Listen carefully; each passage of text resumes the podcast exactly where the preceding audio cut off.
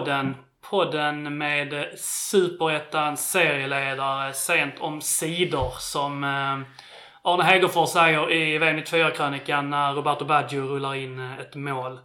Jag, Jens Wighagen, sitter här med eh, Böna som vanligt och med lyssnarfavoriten Gurra. Gött att se er här. Samma. Lite... eh, var lite tungt senast Böna. Vi fick eh, lösa Derbypodden utan dig, men eh, Hultman och, och Fille gjorde det med den äran. Ja, verkligen. Det sades ju att jag var iväg på annat, men det var ju nerver som spökade såklart. Så jag, jag fixade inte det. Du låg ju bredvid och bara liksom eh, låg och sprattlade och så. Gungade Precis. metodiskt fram och tillbaka. Hultman förde fram mina åsikter egentligen bara, så det ni hörde från honom var egentligen mitt. Jag låg och skrev bredvid. Så är det. Och eh, Gurra, hur är läget så här eh, post semester och liknande? Jo, det är bra. Det är bra. Jag var lite, var lite småtrött efter en lång arbetsdag innan jag kom hit. Men lite presskaffe så, eh, och lite gott boystugg så här inför så känner jag att jag fan är på tå alltså. Så det känns riktigt bra. Lite eh, blandat kompott för, för oss boysar här så att vi har en del att prata igenom. Senast vi, vi poddades så eh, var det ju inför HF-derbyt med mig, Fille och eh, Hultman då.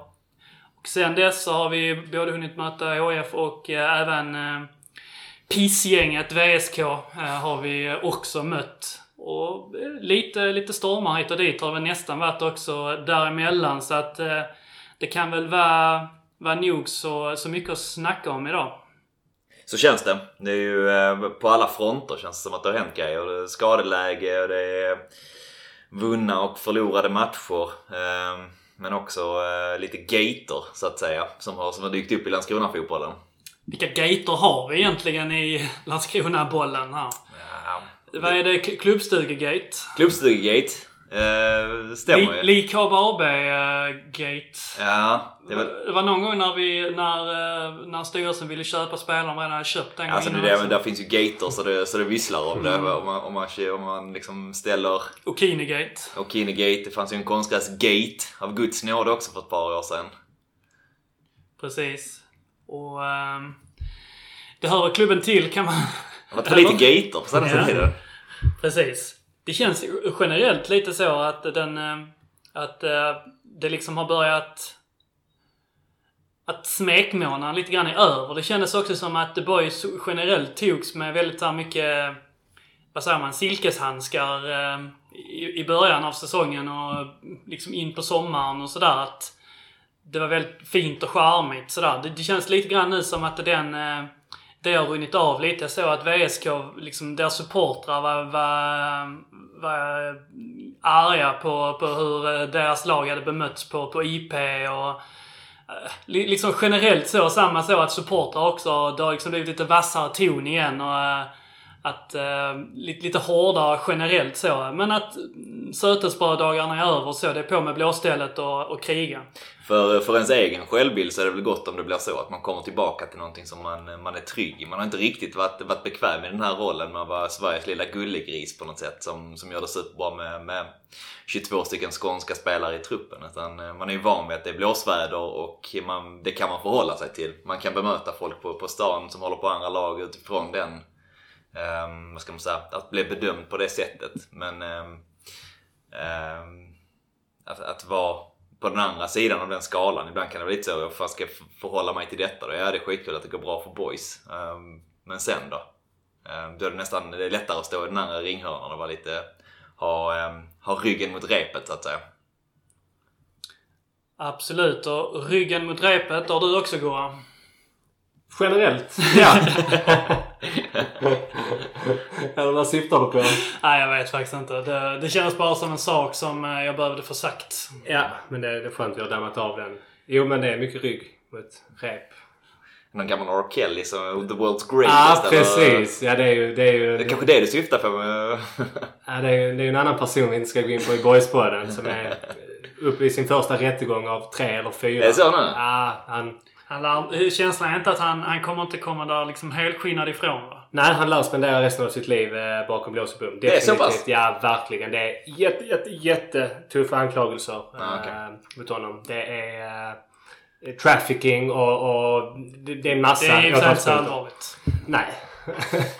Nej, det är helt sjukt. Han, han har ju haft en, en eh, liten sekt hemma sägs det där han har låst in alltså, minderåriga flickor och utnyttjat, dem- utnyttjat dem sexuellt och så vidare och så vidare. Han var ju gift för en massa år sedan med Alaya eh, som var minderårig då. Där de fejkade hennes pass. 13-14 bast eller Ja, något sånt då. 14 tror jag hon var. Det var inget konstigt enligt den goda R. Kelly. Han var 28 vid, vid tiden. Så ja. Ja, men det, man såg ju man såg den här dokumentären, det var väl något år sedan nu den kom Ja. på, genom SVT. Um, Så men då är det, det är dags för honom nu att, um, Ja. vad man brukar säga, möta sin... Um, Baneman. ja precis, Ja. det är dags för det nu då. Ja, han har suttit häktad i två år och hans rättegång har ju blivit eh, framflyttad flera gånger på grund av coronan. Så den började Alright. förra måndagen. Så de har väl utsett en jury och sådär. Dina, dina två ungdomsidoler, eh, R. Kelly och Michael Jackson. Man, man kan inte säga att de har åldrats väl. Har man rätt... Eh, Verkligen inte. Och kanske säga en del om mig. Man har dem som idoler. Jag vet inte. Det är som boys självbilden, du är Ja. van vid att med, med ryggen mot repet. Precis. Därav liknelsen kanske i början. Ja. En segway är god som någon. Mm. Eh, en eh, annan sak vi inte har eh, nämnt att det har skett också är att det har ju Boys har faktiskt varvat.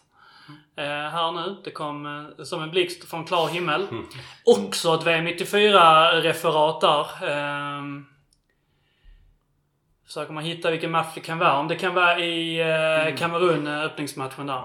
Pun intended där i alla fall. Det är vad det är. Ehm, så det lär vi väl också komma in i. Men ska vi börja lite grann i... eh, vi kan väl bara beröra um, Vormogate eh, 2.0 då. Uh, Gurra, du frågar oss liksom vad, vad, vad fan det, detta var i, så att du, du kan väl bara liksom ta, ta det på uppstuds eller så. Ja. ja men, Men eh, det har väl igen, eller hur man ska säga, så har, eh, så har det väl visat sig vara lite, eh, lite strul i eh, relationen mellan Vormo och eh, Boys. Och det är väl de två klubbarna som har, eh, har strulat liksom i, i relation även om känslan är väl att eh, det har varit lite, lite kass eh, dialog eller relation mellan de flesta klubbarna till och från och, och Boys. Och nu kom det fram uppgifter om att Vormo hade liksom vänt sig till HIF i, på någon eh, lite oklar eh, grund eller anledning och pratat lite grann om hur de, eh, de jobbar med eh, sina regionsklubbar om jag, om jag förstod det rätt. Eh, och egentligen så ve- vet man ju väldigt lite. Vormo har inte heller pratat liksom, eller sagt någonting om det tror jag. Och där är väl ungefär en eller två rader ifrån HIF om det. Och sen har eh, har väl Boys via Celoden uttalat sig lite grann på sociala medier. Eh, lite här och där utan att man liksom vet så mycket. Och hela den här eh, liksom sagan kom, börjar väl redan för ett år sedan nästan också. att eh, Där jag tror att eh, Vormo också kritiserar Boys eh, för hur de liksom hanterar eh, lokalfotbollen generellt då.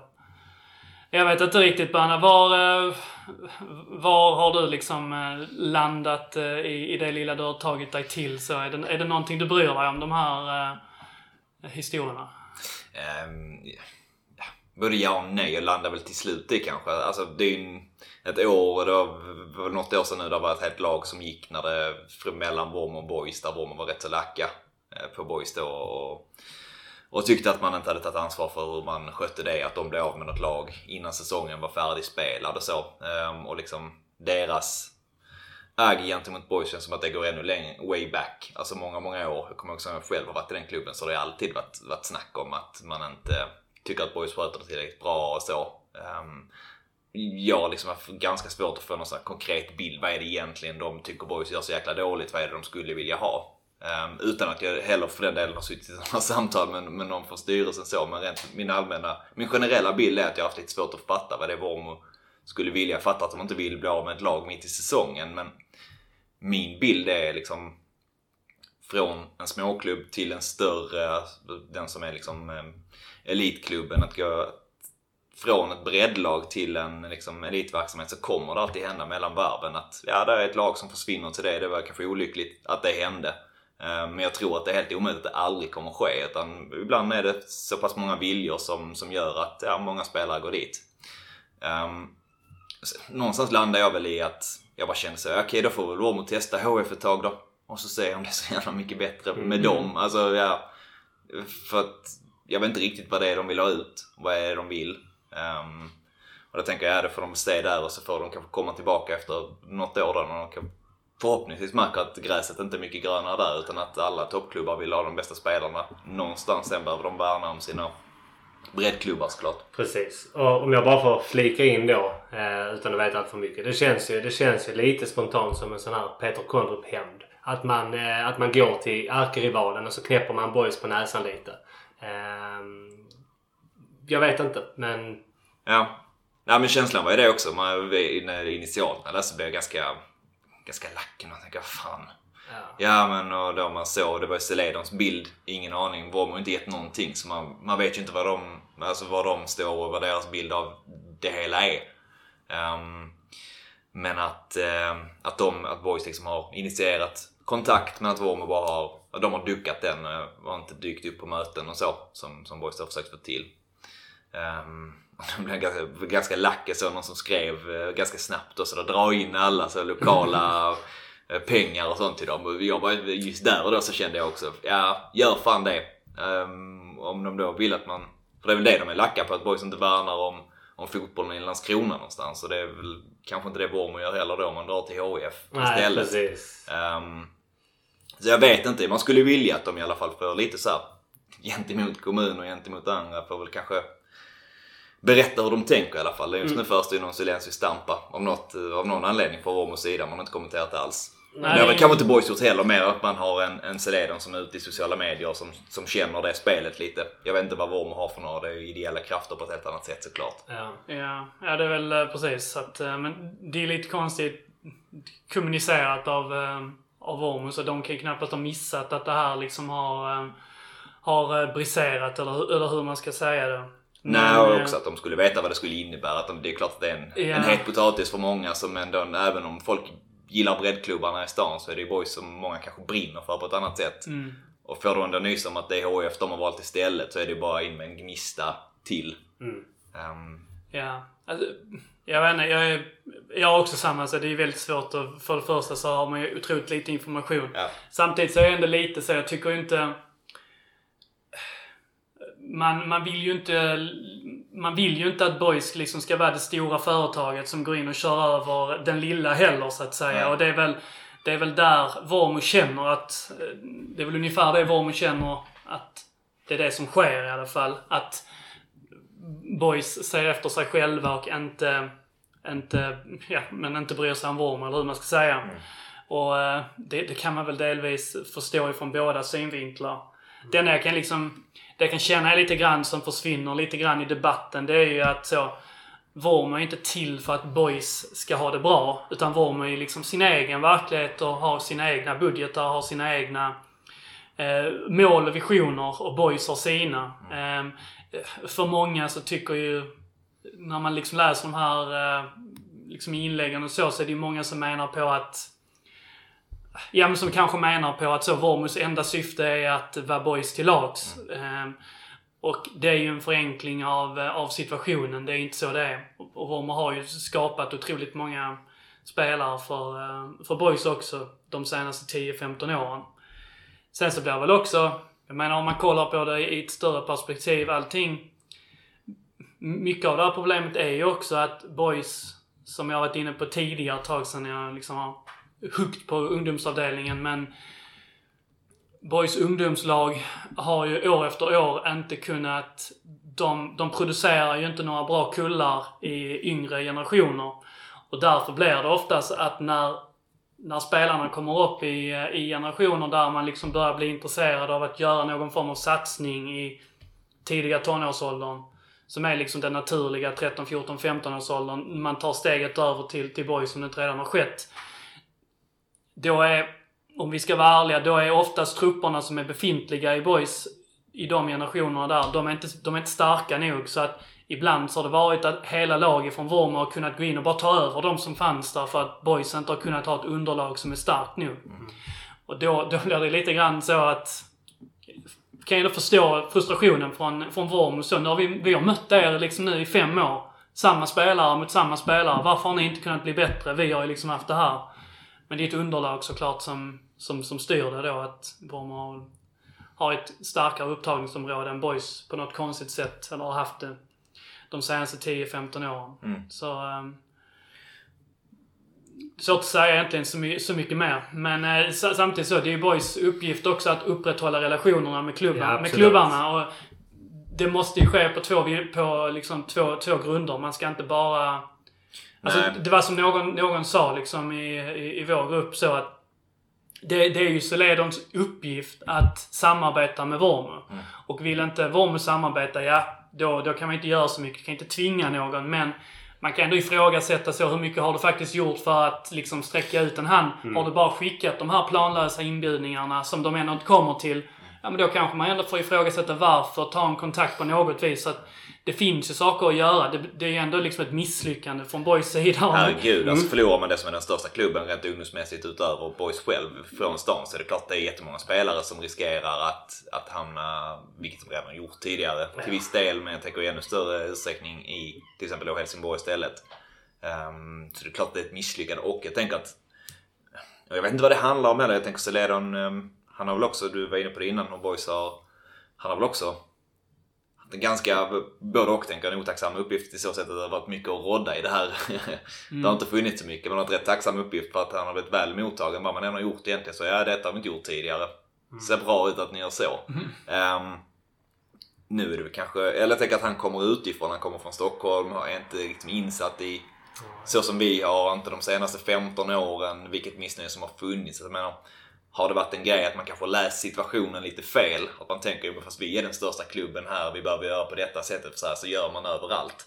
Men att det redan finns en, har funnits liksom en, ett sånt missnöje Motstånd. som man liksom inte riktigt kanske tagit med i beaktningen att så här hade vi behövt, ja vi kan inte bara göra som så som mallen egentligen är för hur man ska hantera det utan vi behöver se, göra på ett annorlunda sätt. I don't know.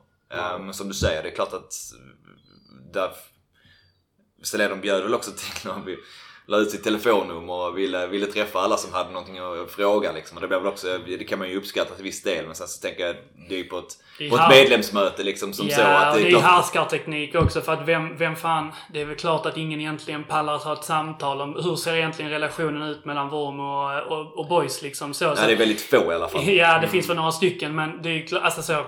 Och det beror helt, det är ju alltså så här, åka, alltså jag menar det är en samlad bild som, som behövs till och boys behöver liksom någonstans eh, Oavsett om det är deras fel eller inte eller var, var de nu ligger så, så är det någonting man kommer behöva Man kommer behöva jobba för för att vinna tillbaka lite tillit Även bland, bland supportrar för det är ju liksom Ja det är uppenbart att det är För en hel del i alla fall skadat efter detta att man tänker att det är liksom Som jag också kan känna att ja det är klart att det, det är ett misslyckande Ja, Boys behöver ju verkligen ta initiativ och, och starta en dialog här. För att det är faktiskt Boys som förlorar på det.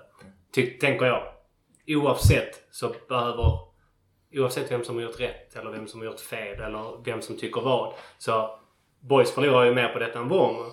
Ehm, så jag tror att Boys behöver nog sträcka ut handen och försöka starta en dialog och försöka lösa detta, vara ödmjuka inför detta. För att det är ju en talangfabrik boys inte vill gå miste om. Tänk om vi slussar dem norrut istället. Ja. Samtidigt som man då inte heller vill, alltså för att man behöver ju veta för sitt, vad, vad är det egentligen Bormo, Bormo kräver? Alltså Ja. vad, är, vad är det de, alltså för man så ställer de helt det finns ju någon självbild i min uppfattning Såklart. också att de liksom är kanske är lite större än vad de egentligen är, Bormo också. Eller har funnits. Att man tänker att man är kanske på en annan plats än vad man egentligen har varit. Att eh, man har haft några bra kullar som har drivit ett A-lag och så har man kunnat bygga ut sin ungdomsverksamhet så men det har liksom inte Ehm, man har inte lyckats etablera sig speciellt högt upp i serierna. Ehm, att, ja, man behöver också, jag tänker för man ska inte heller bara gå med precis varför Nej, det är, det är absolut sant. Och hela, det, det har ju också att göra med hela, alltså... Det har också att göra med Landskrona-fotbollen i stort så, med ungdomsfotbollen, hur den mår. Jag tror knappt att det är ett enda, eh, klubblag eller en enda förening förutom Boys som har liksom någon, någon typ av övre tonårslag eh, igång. Nästan inga juniorlag, knappt några P15, P16-lag. Eh, och liksom det, det underlaget har kanske inte funnits på ett tag, men om man dessutom så kollar på Boys eh, där, det liksom... Där sker inga förbättringar i resultatmässigt i ungdomsleden så. Det är liksom någonting som man egentligen låter passera nu men vad som, som jag la upp eh, bönen här som, som jag la eh, och pratade i en av våra privata grupper här att eh, P17, Boys P17 förlorade mot Kullavägen eh, härom sisten. Och det är liksom, ju mer jag tänker på det just desto mer anmärkningsvärt är det. För att Alltså går man bara tillbaka några, liksom ett gäng, gäng år så vet jag att för att det är liksom tiden där jag själv har koll på det och liksom vet uh, och visste vad som fanns. Så Att ungefär från 90 till 96 så byggdes liksom Landskronas ungdomsavdelning av bra, stabila lag från 17 till 19 års åldern av Landskrona-spelare som mer eller mindre år ut och år in kunde spela liksom i de högsta serierna eller precis under de högsta serierna och liksom på, på ett eller annat sätt prestera på en, på en hög nivå ungdomsmässigt. Och nu har vi ett 17-årslag som förlorar mot eh, Helsingborgs femte största förening. Och det är också lite där som, som du sa Bön, att Vorm inte kanske riktigt vet vilken typ av klubb de är. Det känns lite grann som att Vorm vill ha särställningen som till exempel Eskilsminne har i Helsingborg. Men eftersom att fotbollen överlag har blivit så pass svag eh, ungdomsmässigt i, i hela Landskrona så finns ju inte underlaget kvar. Jag menar om, om nu Kullavägen kan ha ett 17-årsgäng som är bättre än Landskronas enda 17-årsgäng. Det är liksom, var är alla spelare? Var är alla de som har drivit, drivit ungdomsfotbollen tidigare i Landskrona i så fall? Eller om de nu är, vad, vad fan har hänt med det underlaget? Hur kan de vara så mycket sämre just nu? Men eh, det är såklart ingenting vi kan, eh, vi kan svara på, på här och nu. Men eh, det är anmärkningsvärt. Det händer. Det tycker jag ändå är någonting som... Alltså det är ingen som synar ungdomsavdelningen heller så. Det har inte hänt någonting så. Jag kollar inte jättenoga så men de är inte bättre nu än för två, tre år sedan när vi började prata om att det måste ju ske någonting. Och sen så är det svårt att prata om resultat i ungdoms... Ja, det är svårt att veta vad man ska mäta riktigt tycker jag. Alltså, är det spelare man plockar fram i A-laget eller är det liksom... Jag tycker ändå att man, man, man bör kräva att, ett, eh, att, en, att en akademi har konkurrenskraftiga lag. Inom sin region i alla fall. Ja. Så var det ju förr. Hade varit kul att ta hit eh, Celedon igen kanske. Han var ju med för, vad är det, två år sedan nu? Mm, absolut. Och även ta Vormus. Eh, Precis. Pratade om med, jag tror det är Linda Svensson, är deras eh, ordförande nu. Öga mot öga. Lura in dem eh, Ja. så här att de inte vet om att den andra ska komma. Lite Jerry Springer. Ja. eh, Och sen så sitter vi ner. talar ut. Jobbar med medling ibland i mitt jobb också. Kan köra det här med. Mm. Inga problem. Jag jobbar inte med medling, men jag är säkert helt okej på det. Ja, förmodligen. Du kan dra lite sköna kommentarer från NFL. och lite- Har vi tänkt på det här? ja. Men eh, alltså summa summarum, så här, du, du börjar egentligen i, i den änden också. Det är svårt att få liksom helt grepp precis vad som har hänt. Därför är det svårt att också ge någon så här, Men att det är ett misslyckande kan man ju bara, ja, så är det ju. Mm, och lös den. Ja. Ja.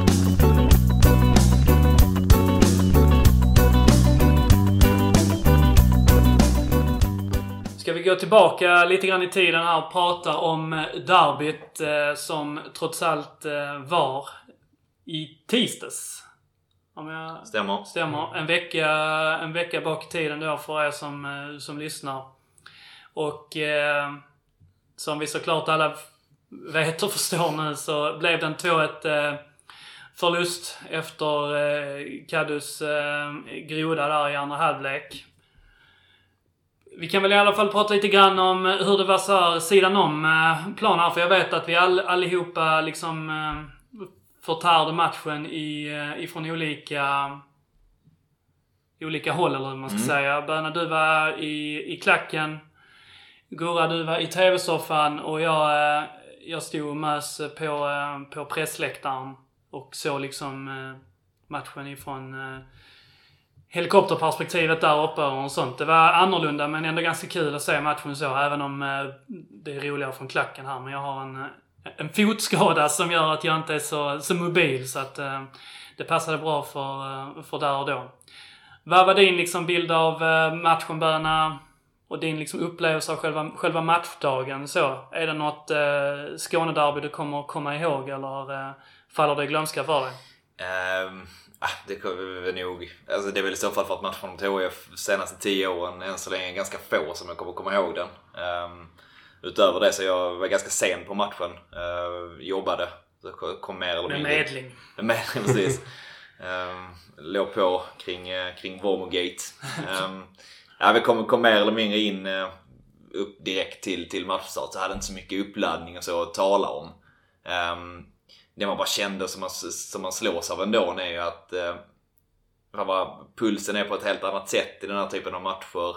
Eh, när man, under dagen har den varit ganska lugn. Eh, så, men när man sen när man kör in och eh, hittar parkering och vandrar mot Olympia eh, så slås den av för det är en match med magnitud. Eh, så på så sätt så, eh, så kommer jag väl ihåg den. Um, hade någon form av uppladdning med att det, det spelade roll för mig eh, när jag väl kom dit. Um, men utöver det så är det väl inte mycket, mycket till uppladdning eller mycket, mycket match så här att, att tala om. Mm. Och Gurra, hur, eh, hur nervös var du i, i TV-soffan? Är du en filbunke eller står du och skriker och hoppar? Nej men jag skriker och hoppar. Brukar vara... Ja, nej men jag var nervös såklart. Jag, jag har nytt arbete och så, så det har tagit väldigt mycket, mycket tid och jag var lite dåligt förberedd och jag inbillar mig att där inte tilldelades sådär himla många biljetter till Landskroniterna och de som tilldelades var till medlemmar eller sådär. Så jag, tro, jag trodde mitt tåg hade gått men eh, var inne och kollade på matchdagen och eh, hade faktiskt två biljetter i min hand. Men eh, sen när jag skulle uppdatera.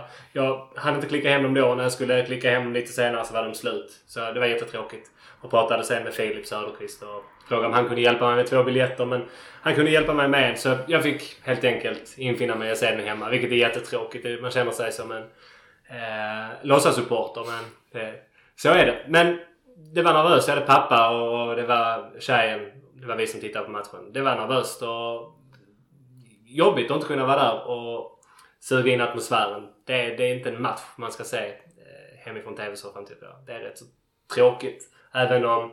Eh, hur tyckte du att eh, liksom eh, kommentatorerna och själva studion så behandlade matchen så? Fick man ett intryck av att det, det, det kändes på riktigt för dem också? Eller vad, ja, men det, som... det, tycker jag. Det tycker jag eh, verkligen. Det var, det var en bra inlevelse. Även om eh, jag mest hörde på min pappa. Försökte få honom att vara tyst. Så, eh, så tycker jag det var, det var bra. Faktiskt ingenting så jag reflekterat, eh, reflekterat kring i efterhand. Men mm. det var en bra atmosfär faktiskt. Och bra tryck på läktaren från båda håll.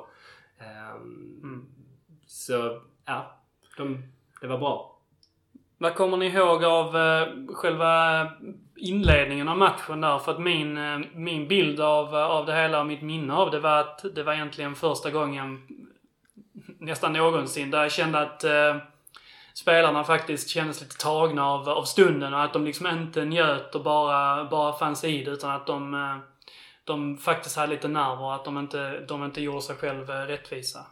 Ja, um Verkligen. Det var också min upplevelse från, um, från uh, bakom läktaren. Man har ju märkte det och snackade med någon om det också hur eh, varit ganska lång tid sedan man stod på den typen av bortaläktare. Att man, man följer matchen på ett helt annat sätt. Den blir mycket, mer, det, den blir mycket mer så känslodriven mer än att man faktiskt har någon koll på hur, ser det egentligen ut. Känslan där och då var väl såhär, fan, tappar rätt mycket boll. Mm. Filip Olsson fick rätt mycket skit. Att ja, du kommer inte igång. Tappar, sen så kändes det faktiskt också som att HF var jävligt påkopplade första, egentligen fram till minut 30 kanske någonting. Att de också, det vi hade snackat om innan.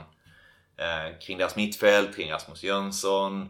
Att det känns nästan som de hade lyssnat och fått lite tändvätska av det. För, för, för, när jag stod där bak så tänkte jag så jävlar, de, de springer. Um, ja. Att nästan att, att de var de som var med The Boys melodi på något sätt. Att rent um, att löpa ner sina motståndare, att vara jobbigare uh, än, än um, mm än det andra laget. Eh, så första 30 minuter tyckte jag Boys kom inte alls in i det. Det tog ganska lång tid också innan man faktiskt lyckades med det. Eh, nej, men jag, kan, jag kan bekräfta det från, från TV-soffan då också. Att det kändes som att det var mycket gummiben i Boys. Eh, jag vet ni pratade om det i podden inför att derbyt var jäkligt viktigt för Landskrona Boys och spelarna. För att det är, det är ett lokalt lag och innebörden av det derbyt. Där finns för alla spelare, alla de 11 spelarna som, som stegrade ut på, på planen så fanns det en stor betydelse. Och det var nog för många den största matchen hittills i deras karriärer. Medan många i HF nog knappt visste att det var ett derby. Hook sprang där liksom och, och tyckte det var vilken match som, som helst. Och HF var mycket mer påkopplade. Eh, och Boys var lite tagna. Det tror jag också. Det såg ju inte alls bra ut. Eh, de blev Nej. rejält överkörda första. Men man rider ut den stormen någorlunda.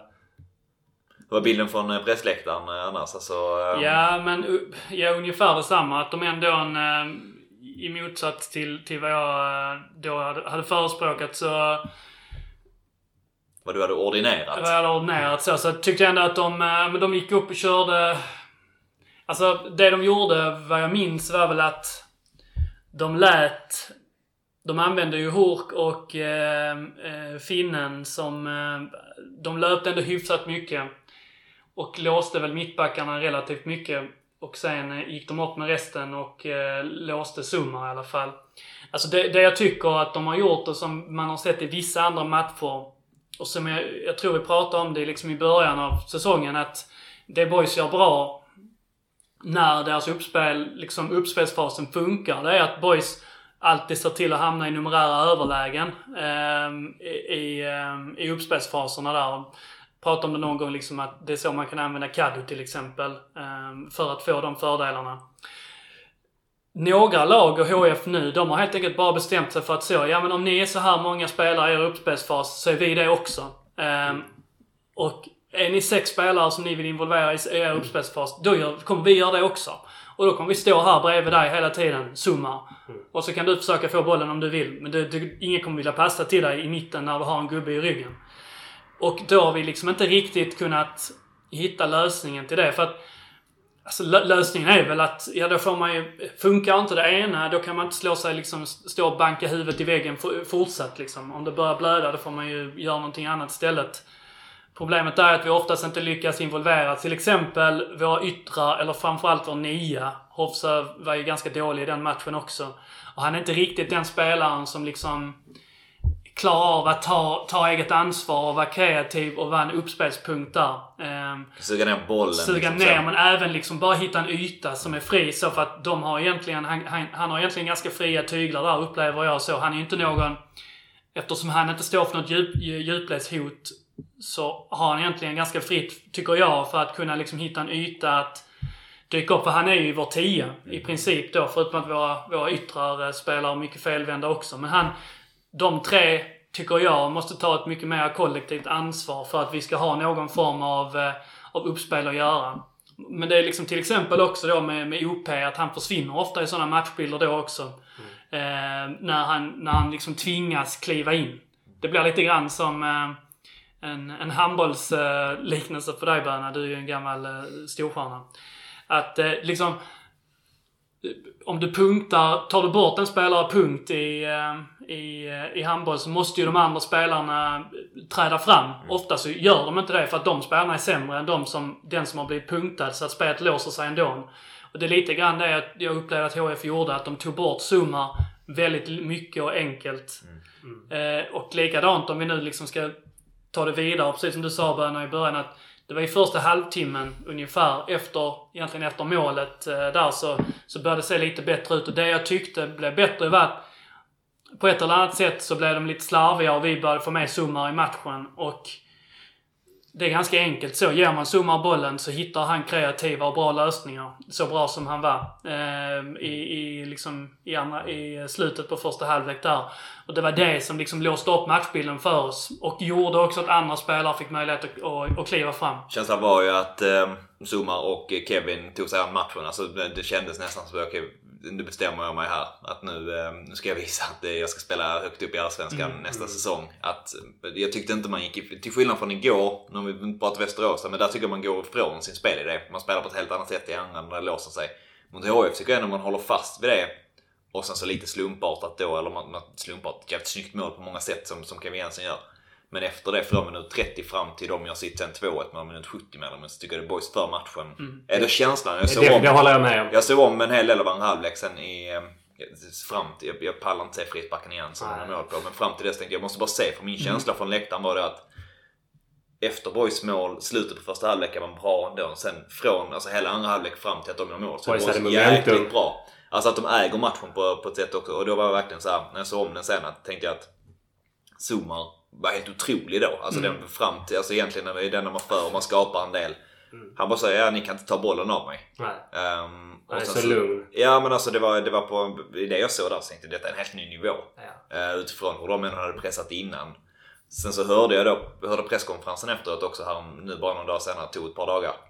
Eh, Lennartsson eh, adresserar just detta också som du var inne på från början med att, att, att gå högt. Att det var liksom utifrån matchen så som man tänkte så behöver man göra på det sättet. Men som han sa, de visste också om vi kommer aldrig orka det. Alltså vi kommer orka kanske den tiden sen så kommer vi inte kunna spela på det sättet för att boys är för ändå för pass för bra och kommer spela igenom och ska vi springa på det sättet. Alltså i perioder kan vi göra det men vi kommer inte palla en hel match. Ehm, och det tyckte jag väl mer än egentligen igår mot VSK att boys tog sig an. Att man ändå nötte på och fortsatte.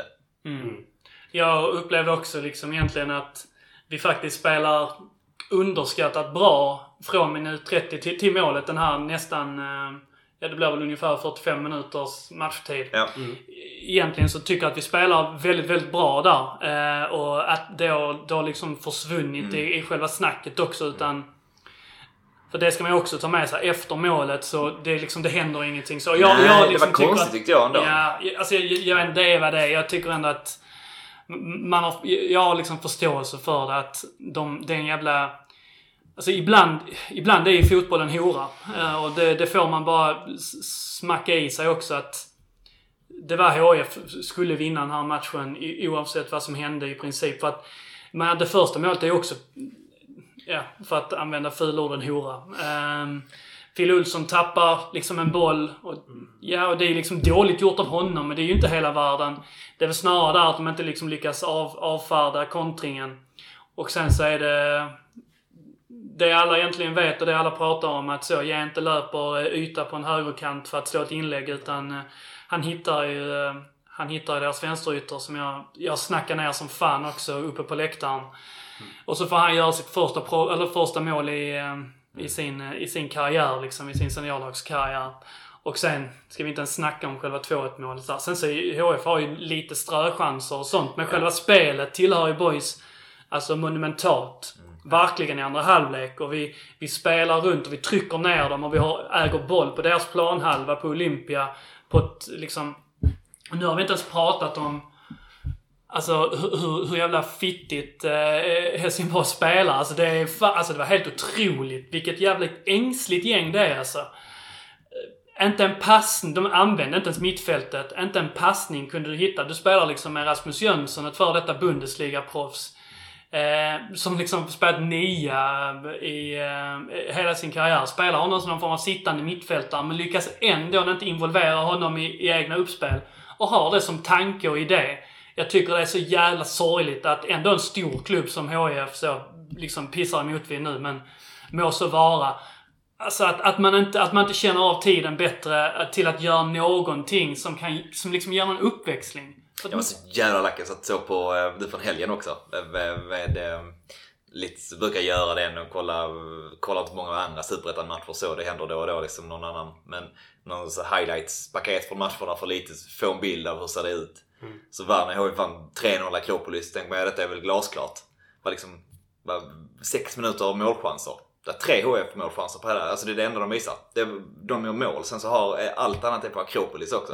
Det blir bara så eh, lackad. Sen så ska man kanske inte säga för mycket med Boys då igår. Det var väl en, en, en, en seger som inte såg så speciellt vacker ut.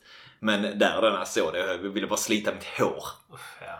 Det var ju till exempel deras... Ehm, eh, matchen igenom hade de ju så... Var det en utspark så fick ju eh, danska spela ut den till, eh, till Videll. Och sen så liksom kunde Videll ha bollen i en och en halv sekund. Sen så fick han ju bara skicka den så långt han kunde. Han liksom var ju på väg till Exan med bollarna för det mesta. Och det var verkligen ingen kvalitet i bollarna. Alltså, man får vara snäll mot en 18-årig Landskronait delvis så, men... Alltså, men det är ju också så då, då att man inte som... Vad gäller för funktion om du ändå bara spelar ut bollen och bollen alltid kommer gå, gå högt upp i en lång, långboll. Varför slår du inte bollen direkt i så fall? Du har liksom seriens bästa huvudspelare i Hook. Det är liksom, det, det är så många tankevurpor. Där jag tycker att de är så ineffektiva egentligen i allting hur de ställer upp och så. Där, där liksom blir ännu surare över att vi inte kan liksom få med oss ett resultat. Att, att vi inte... Ja, att de goda inte fick vinna denna jävla pissgången heller.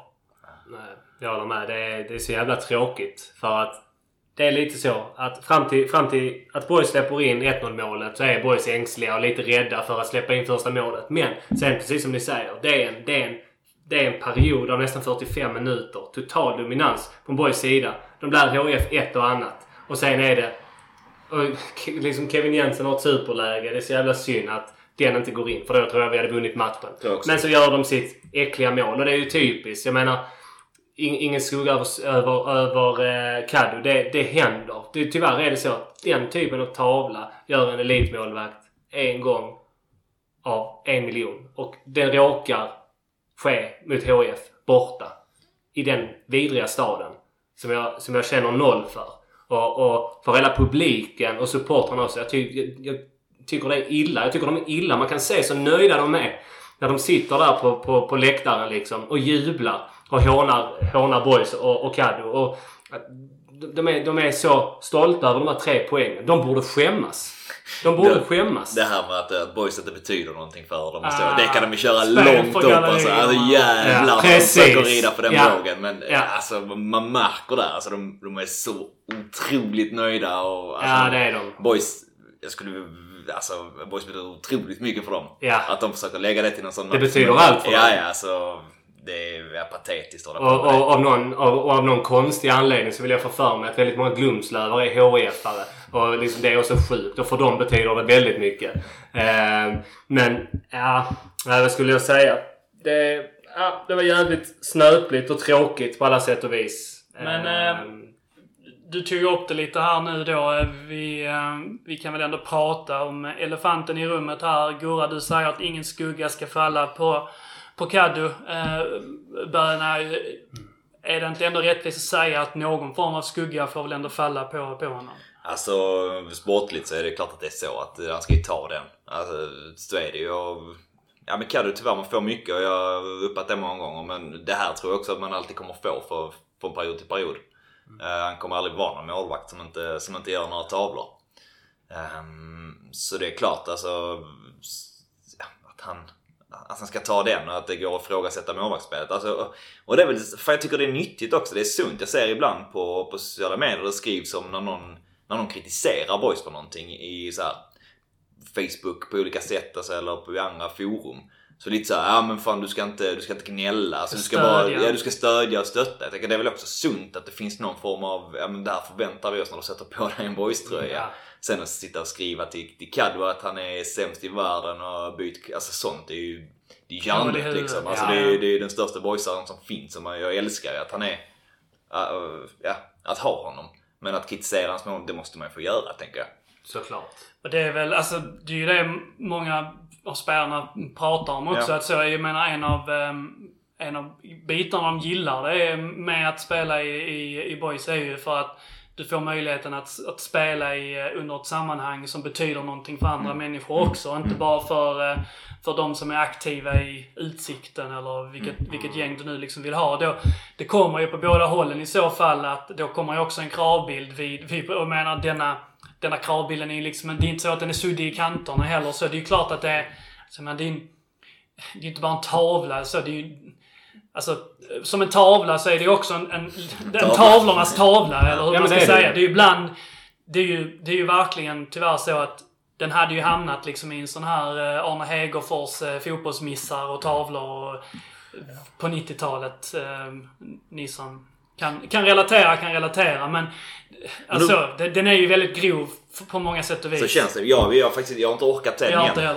Ehm, jag har inte, se- men han, han tappar den. Men för, Ja, från, han början, tappar den, ja. från början så trodde jag att det var att han, att Han han lämnar hade en den retur princip. och så att de slår in den. Att det är en dålig retur. Så, så såg det ut från, från bortaläktaren. Men så förstod jag att den går in direkt. Och då tänkte jag, hur fan kunde den gå in Det direkt? var så sjukt. Den, den han, han har trillar den. genom skopan Ja, och liksom eh, ner igenom Ja. Ja. under sig så att säga. Och han, Det är väl en sån, alltså man, man ser liksom på hans ögon, ögon att eh, så, så fort så fort liksom han ser nästan hur bollen studsar mot honom så, så, så tappar han liksom eh, att fan, jag kommer inte klara det liksom. Mm. För att han, eh, bollen, bollen rullar ju nästan smärtsamt eh, långsamt över mållinjen också. Men han hinner... Han vä- kastar sig efter och Ja, Ja, det han. alltså Säkert halvhjärtat så. Han, Okej. han, han vet vad det är. Ja, Men okej. jag såg att så fort den gick, gick in där så, så förstod han liksom så med den farten Ja, den right. precis passerar mig. Jag kommer inte hinna. Och sen så vänder han sig om och försöker så gott han kan. Mm. Eh, men ja, alltså det är som du säger. Det är ju en del av målvakternas vardag typ. Men Mm. det är ju...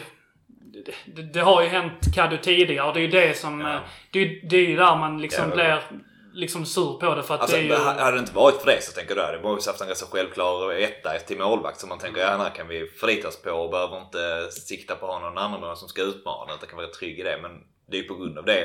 Alltså i mångt och mycket. eh, Att han Hans akilleshäl är ju Ja. att han gör misstag. Hans Ja, akilleshäl är liksom inte luftrummet. Nej, till eh, viss del tycker jag. Ja, det tycker jag också. Men, eh, men, Men det är liksom inte så att jag, jag hade i alla fall inte... Alltså det är klart, det, där kan han bli bättre. Ja. Men eh, det finns liksom gott om målvakter som inte dominerar sitt, sitt luft, luftutrymmet nu. Men, Annars men, hade han ju verkligen varit good enough utan tvekan. liksom. Ja, utan det är ju för att han på ett eller annat sätt släpper in Mm. liksom mellan tre till, till fem mål per säsong som han inte borde släppa in. Ja. Han var ju något borta mot Jönköping tror jag till exempel. Gais har en ju när de Ja, släpper in dem i matchen. precis. Där är ju någon. Han är, det är ju en bra, så han är ju en bra linjemålvakt. Han är ju väldigt flexibel och atletisk och som den räddningen han gör igår, även om man kanske ska ta den, så är det en väldigt bra räddning. Han, han, han kan slänga sig bra, men jag tycker luftspelet och tajmingen ibland i inspel, eh, att det är där det sviker. Sen är ju hans styrka att han har jättefina fötter. Det vinner ju... Det är ju, det är ju så, så det sitter i Boys DNA att det är så man ska spela. Och jag vet, det är möjligt att Svante är en bättre målvakt. Målvaktsmålvakt. Men frågan är... Shot stopper. Precis, det tror jag nog han är. Och, och, men det är nog fötterna där det brister. Och frågan är då hur mycket, hur mycket gynnar det Boys med Kadus fötter? För det är inte många. Han är iskall och han skickar ju inte i onödan. Utan Boys kan ju verkligen starta sitt spel bakifrån nästan alltid. Man skickar inte iväg bollar på måfå. Eh, Det blir inga 50-50. Eh, Det är väldigt få 50-50 där Hoffa ska stångas. Eh, utan man spelar sig från backen, från målvakten och uppåt. Och frågan är hur, hur mycket Boys hade förlorat på att ha en målvakt som inte behärskar det. Som får skicka på Hoffa hela tiden. Vad hade hänt med Boys spel? Ja. Det är liksom, det, och jag tror det är därför att fan, okej. de Billy och Max vet att det kommer någon tabbe ibland. Men jag tror att det väger så tungt. Och även att han faktiskt kan göra väldigt bra räddningar också. Såklart. Eh, men ja, nej. Men det, jag tycker det, det är väl lite spännande ändå att eh, om man ska säga så att eh, ja, har du, har du en väldigt tydligt uttalad etta där man vet att målvakten här är mycket, mycket bättre än andra målvakter Mm. så, så kan man acceptera att det sker någon, eh, någon tavla mellan varven och sen så går man vidare. Han står nästa match ändå. Vanligtvis om man har två ganska jämna målvakter, vilket ut, det i alla fall inför säsongen sades att Svante och, och Kaddo skulle vara, att det var en tävlingssituation. Um, sen säger man väl kanske alltid det målvakter ändå. Eh, så, men, men känslan var ju ändå att det var jämnt. Jag menar, det var varsitt år i rad ettans bästa målvakt Ja. eh, etc. Um, har man då gjort tavla innan i närtid, sen en väldigt grov tavla matchen innan. Ja. Vanligtvis så sker det ett byte där. Alltså att det, det, matchen mot VSK skulle varit matchen där Svante stod egentligen. Men jag tänker det säger ganska mycket om hur man kan tänka, hur man framåt, att det, det, vad ska krävas för att Svante egentligen ska få en Ja, Precis. alltså- och sen, jag förstår, det är inte välgörenhet vi sysslar med. Jag menar, det, det, det vet vi alla om. Men vad fan hade det inneburit för Caddo om han hade suttit kvist mot VSK? För, och då hade det ju varit, väldigt, det hade ju varit bägaren som hade runnit över. Här, nu sitter du för att du släppte den mellan benen.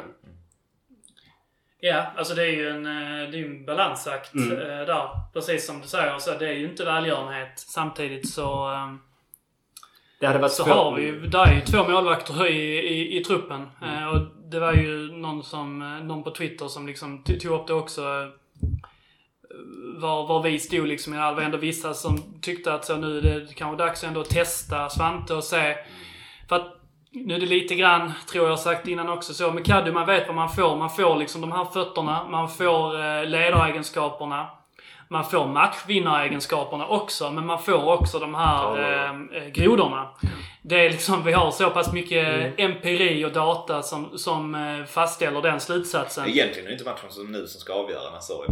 Men Svante har vi ingen data överhuvudtaget. Ehm, och eh, så, jag menar vi, vi klarar oss ju. Fille Mårtensson stod ju förra säsongen med, med bravur. Han var ju Ja. inte någon... ehm, han hade väl fötter som var dugliga. Det var inte Andreas Isaksson, men det var ju inte heller du? Kaddu. Nej, det är sant. Eh, så att det är ju liksom, det är lite grann det, alltså så här, Men det man vet jämför kontra det man liksom inte vet. Men när Billy och Max gör... Tror ni Billy och Max inför Västerås har suttit ner och faktiskt haft ett seriöst snack? Ska vi köra Svante eller har det alltid varit klart att nej men okej, det händer. Kaddu står nästa match också. Och frågan är vad som kommuniceras gentemot Svante. För jag menar han måste ju också... Jag menar Svante vet ju att Kaddu har gjort ett par grodor. Han måste, ju- han måste ju också få känna att när ska jag få min chans? Om inte efter en sån tavla, när ska jag då få stå? Jag blev, division 1, jag blev utsedd till division 1 bästa målvakt. Men här känner jag inte något riktigt förtroende för trots att första målvakten, min konkurrent, gör 3-4 tavlor under en halv säsong så kommer jag, får jag inte stå. Vad mer behöver jag göra? Gudarna Det- ska ju veta att, att det, det är ju tacksamt att leverera till... Alltså känslan är att det är tacksamt att leverera det till Svante. Alltså att han är Beskedet. målvakt. Beskedet. Så att Ja, han, han det är är... självklart Ja. att jag inte ska stå. Eh, Kaddo är ju en boysare. Han ska fortsätta i mål. Men- Men, men förmodligen så måste de... Jag vet inte hur mycket... Alltså, de, har säkert, de har säkert lyft det mellan varandra och säkert känt Ja. på Kaddo. Tänker jag. För det finns ju... Det finns som du säger och det finns ju en del i att man, man hänger honom Ja. om man, om man liksom så efter matchen, matchen efter plockar ut honom. Ja. Det finns ju ett annat scenario av att okej, risken är att det här fortsätter, att han inte är, till, att han inte är där. Ehm, och att det sker tavla till och då kan Precis. det vara helt rökt ju. Ja, och men nu då, summa summarum, om man, om man, om man tänker tavlan som kanske skulle eller borde kosta honom startplatsen. Nu håller han istället nollan mot, förlåt, nu håller han istället nollan mot Västerås. Och gör det bra. Nu är ju, nu är ju, nu är det ju omöjligt för Svante. Det är Läge att plocka in Svante nu. Ja men äh, på det du sa. Man skulle kunna göra det också på ett sätt. För att Ja. man har inte sänkt Kaddu. Nej. Han fick hålla sin nolla. Ja. Och men, ja.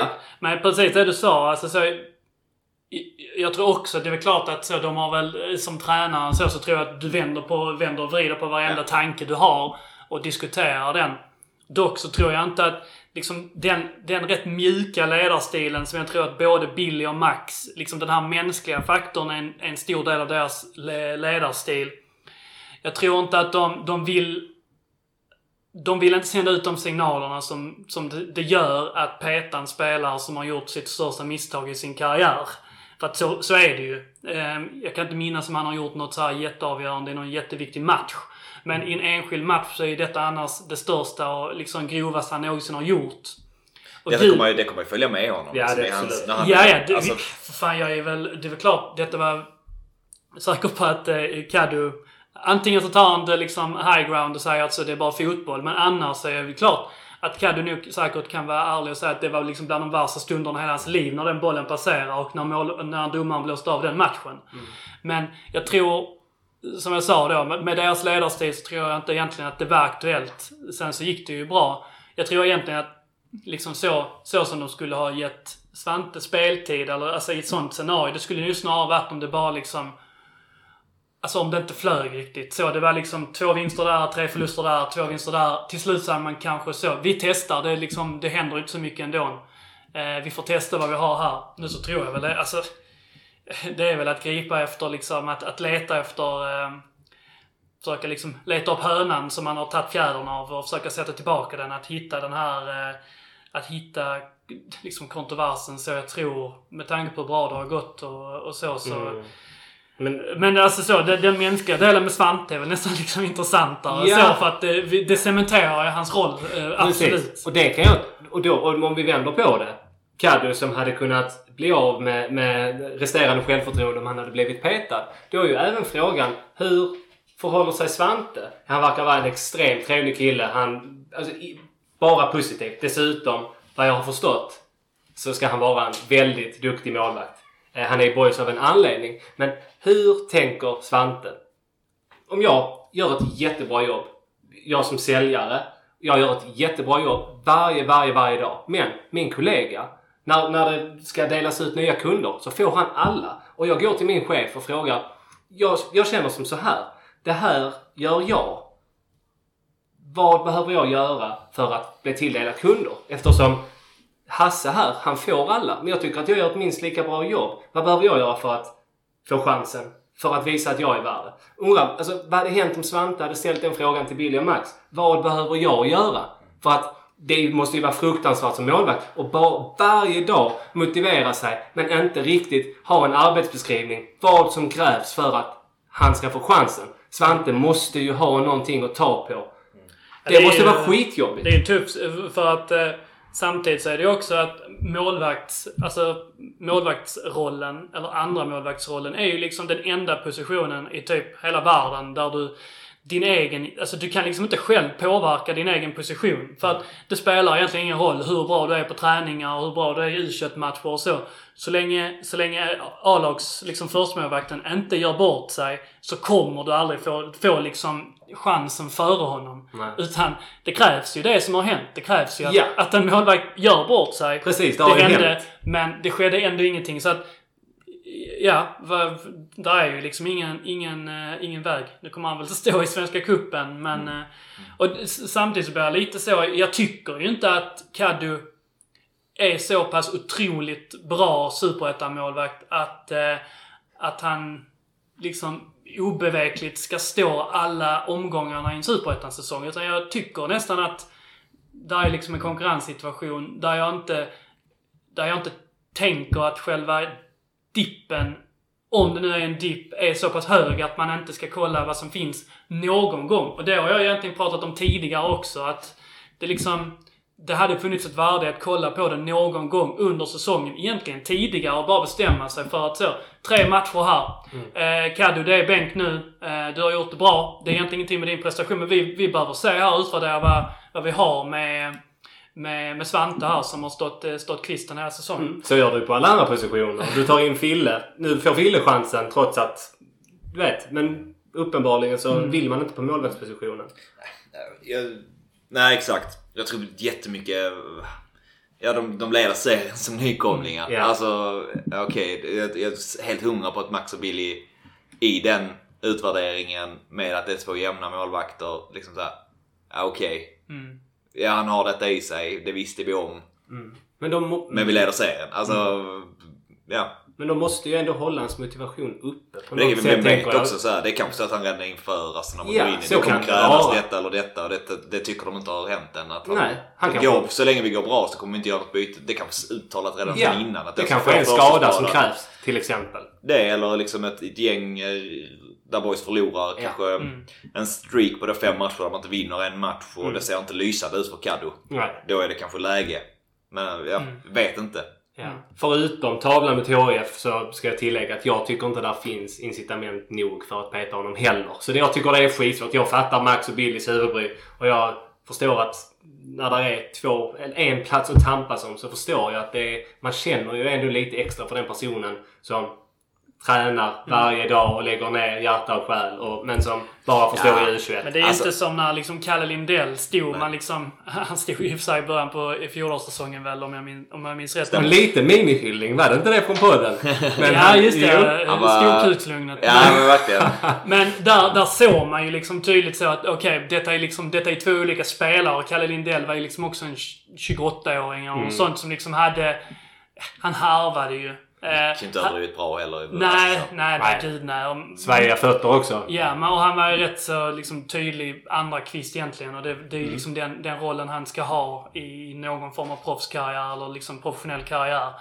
Det, det är ju det, det, är det vi inte vet här. Eh, Och det är ju därför det ens är en debatt. Hade Kalle Lindell varit vår andra kvist eller om Pauli då, eh, tredje målvakten hade varit andra kvist så hade ju inte det, vi hade inte pratat om det. Nej, men då hade det För varit att så då hade ju droppet varit så tydligt och vi hade vetat vad det droppet var.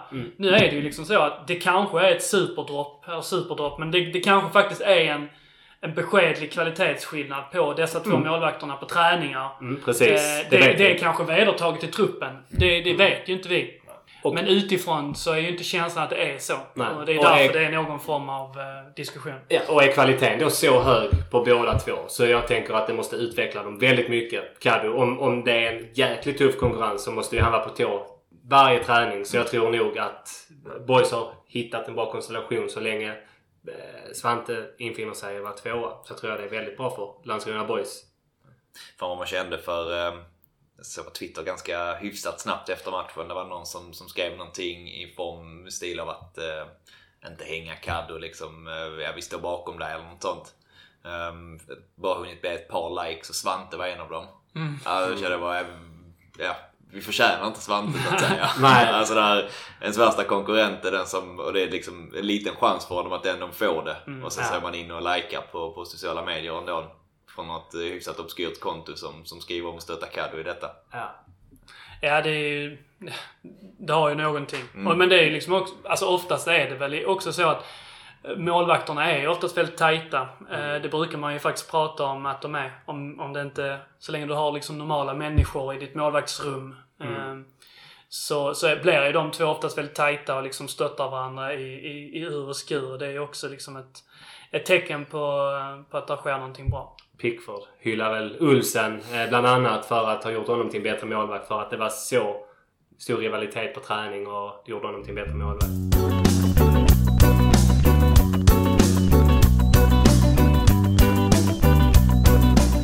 Men eh, vi studsade ju tillbaka efter några om och men mot eh, VSK efter en, lite av en, av en skitmatch. Och 1-0 efter ett lite turligt Kevin Jensen-mål.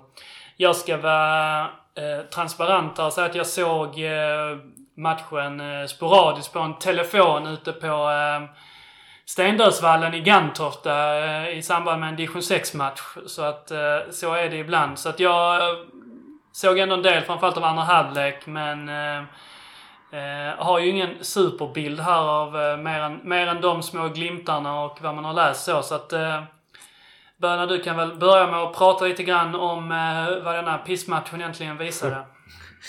Ja men det visar väl att man kanske ändå var, var mer påverkade eh, av de här två förlusterna än vad jag tänkte att man kanske skulle vara. Man kommer från VSK borta där man förlorade och var rätt kassa. Men sen så min bild mot HF att man ändå gör en ganska bra match.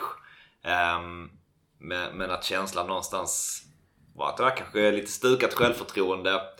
Ett par spelare borta eh, också offensivt vilket gjorde att eh, det kändes, kändes som att hela laget någonstans tänkte att eh, här behöver det till något extra för att vi ska spräcka nollan. Och man fick en ganska bra inledning tycker jag. De spelade jäkligt bra. Jag kände... Fan, Boys är bra på många sätt. Alltså i egen uppspelsfas, i pressspel. Första 20 minuterna tyckte jag Boys... Ja, det såg riktigt bra ut. Men det märktes att det saknades några spelare offensivt. Ehm, Försökte VSK eh, med samma höga Ja men jag, press? jag eller tänkte först i de? början men sen ganska snabbt så, så la de sig bara långt in på Ja, egen planhalva de. och låg där. Alltså, De försvarade verkligen med 11 Ja. Och djupt. Ja. Där fanns inga ytor för boys att hitta igenom på. Nej. Det, det blev jobbigt för boys.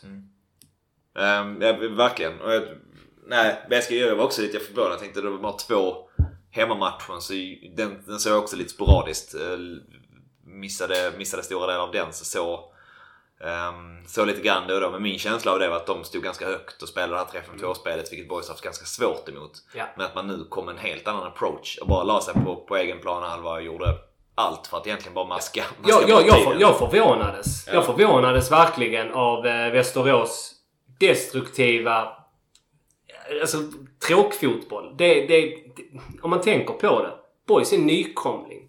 Tänk att, att liksom Västerås kommer till en nykomling och försvarar med 11 man. Alltså stora delar så parkerar man bussen och man spelar ett fulspel och man maskar mycket. Det är liksom, visst, de stack upp någon gång. Men de låg ju så djupt så att det borde inte finnas möjligheter för dem att, att i princip skapa anfall. Nej, första halvlek var det väl då de har en där, där Murbeck missar lite Ja. suverän och så går Ja, Murbeck igen. Ja, han och Vilas. ja. Men framförallt Murbeck. Men, men, eh, men gör en miss eh, varpå de rinner igenom och får ett 2 mot 1 läge. eh, Där, där de rundar Kaddo men Kaddo hinner tillbaka och räddar den ut vilket de nog inte får eh, hörna. De får, det blir inspark, det blir just jävla liv om det ett tag. Ja, det blev det. Men det är ju typ det de skapar i första. Ja. Utöver det har de ju verkligen noll. Nej. Ehm, Men sen, precis. Och sen då, man märker ju på Boys att det... Boys, det blir jobbigt för att Summa gjorde några tapp. Fille var inte helt påkopplad. Och vi kom ju inte till några målchanser. Hoffa jobbade och slet men fick inget uträttat. Och de låg så, så djupt. Det, boys kom runt lite på kanterna. Att Catch hade kom runt några gånger. Men det blev aldrig riktigt farligt. Och äh, det var jobbigt. Ja, det kändes som att det infann sig en ganska så... Eh, att man blev ganska så oroliga. Mm. Boys alltså kände att vi behöver göra någonting annorlunda. Och i andra ja. halvlek tycker jag att man spelar på ett helt annat sätt än man var van vid att se dem. Mm. Um, på vilket sätt? Man spelar nästan... Alltså, spelar inte upp genom sitt mittfält. Alltså då gick de lite högre och typ så som jag det under en period i alla fall i andra halvlek och låste Boys mittfält och försökte göra det. Mm. Då spelar man bara långt nästan. Mm. Alltså spelar från Vilas, försökte sätta, ja. sätta mackor som jag tyckte var så... Nu har inte rullat runt. Nej. Det inga öppningar för detta egentligen. Slog bort många bollar. Ja. Uh, Viktor Eklund fick ju springa på mycket bollar på kanten. Mm.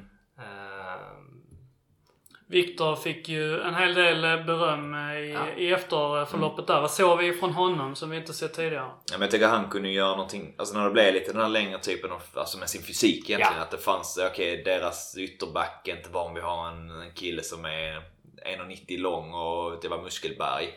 Um, så när man slog de här längre bollarna, det passade väl honom på det sättet och lyckades väl bryta ner deras vänsterback på något sätt. Visst är det ganska god teknik? Ja, det gjorde han. Det gjorde han verkligen. Och, och precis. Ja, det var riktigt kall tunnel. Mm. Och det var någon gång han ja, men gjorde en liten fin överstegare. Mm. Inte för att han... Det liksom, men, men han visade prov på en teknik och ett lugn. Mm. Det var... Har ju ett där också när han bryter in. Ja, det är och, riktigt bra. Ja, det, det, hade den gått in så hade det varit ja. uh, otroligt snyggt. Ja, det hade... Det, det, det finns... kryssribban. Ja, fy fasen. Oh, vad det är... Men, ja. men annars alltså... Ja, nej, men det var fysik man fick se att det erbjuder någonting. Alltså jämfört med som jag tyckte Nilsen spelade i första halvlek men blev skadad precis i början på, på, på eh, andra. Hade väl lite i första precis i början skapat mm. några lägen och så. Han skapade ett läge ja. från... Alltså det var egentligen en halvchans men ja. han fick, gjorde väl maximalt av det läget. Fick ett väldigt bra skott. Ja, precis. Men utöver det så kändes det som så, okej okay, ja. Um, om det är någon som ska kunna göra någonting när matcherna är lite låsta så känns det okej okay, då är Viktor ett alternativ som är, som är mm. just nu mil bättre än vad Nilsen är. Ja, det är ju precis. Eh... Tror ni att han mm. kan utmana om eh, en startplats eh, framöver nu eller är det... Mm. Hur, hur pass Det beror lite på ska, skadesituationen tänker jag. Eh, är den vidare som den är, har varit nu att, att LRO, Heijer och OP skulle vara out någon match till så tänker jag att då, då tror jag att den är som det ser ut just nu, det beror på vad Blixt kommer in och gör. Mm. Men annars tänker jag att den höger eh, yttern är liksom, ja men den är vigd för honom just nu. Absolut. Och han visar att han faktiskt kan, kan göra, skapa mycket och på egen hand och med sin fysik och även teknik och visar att han, att han har ett bra skott. Och nej, jag, jag tyckte det var positivt. Sen så vet man inte heller. Eh, jag vet inte om Boys känner att äh, har vi inte de spelarna vi har vanligtvis. Alltså OP finns med offensivt och man inte riktigt lyckas. Mm. Att man eh, vi kan inte spela det spelet om vi har de spelarna. Alltså då måste vi göra någonting annorlunda. Mm. Um, så ja, ja, det beror väl lite... Jag tänker väl, jag tror inte att... Han borde väl i och för sig ganska snart tänka om inte Offa kommer igång igen. Mm. Om man skulle ha tillbaka det så ser jag som en spelare som skulle kunna utmana honom på den positionen också. Mm. Det är väl hans naturliga position. Ja det är det ju egentligen. Egentligen, ja. egentligen. Men sen känns det när Hoffa varit så gjuten ja, senaste tiden. Precis. På något sätt. Ja, och Erik Persson kommer också in faktiskt då. Jag tyckte för första gången, jag såg ju inte u matchen men där gjorde han två mål. Men jag tyckte ändå där fanns lite glöd i honom och tyckte ändå han tillförde någonting. Han ligger ju faktiskt bakom målet ja. med ett skott som, som täcks. Ja. Eh, och han hade ju ett bra läge. Fan vad synd att han inte fick göra mål där. Eh, han får ju ett superläge där han försöker knorra den men deras målvakt gör en rätt så bra räddning. Ja. Ser det ut som. I alla fall från vår vinkel. Om det inte är lite för mitt på. Men så Mm, där, ja, men där, det, för det såg jag också, eller jag såg, såg målet i, i realtid där att eh, där, där visar han ju liksom ändå det han, det han gör, det han har. Att han har ju en sorts liksom instinkt, en, en sorts eh, självklarhet i boxen. Mm. En sorts finurlighet och ett sätt att eh, kunna ta sig till avslut så som, som liksom inte alla spelare har. Eh, och som våra andra nior inte har för den delen där. Utan där är väl först liksom en ganska lite så här cheeky eh, bröstning och sen då att han, han liksom han, han har ju det att han, han smäller ju till fort. När han kommer, när han får ett läge så, så han liksom, han, han skjuter eh, utan att blinka. Han har ju ett läge också mot HIF.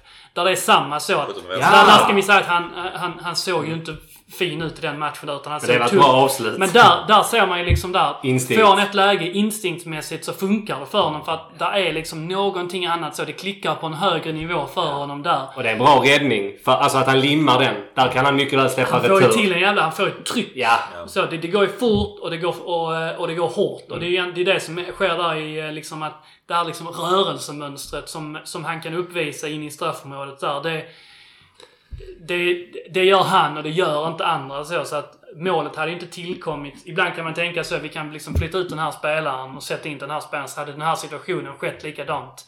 Men jag vågar påstå att hade vi satt in Hoffa i den situationen så hade vi inte, det hade inte lett till målchansen som kom. Sen så är det ju mycket tur i det hela också men liksom just den där att försöka nå med bröstet. Det är okonventionellt. Att kunna skjuta i liksom konstig vinkel i det så fort.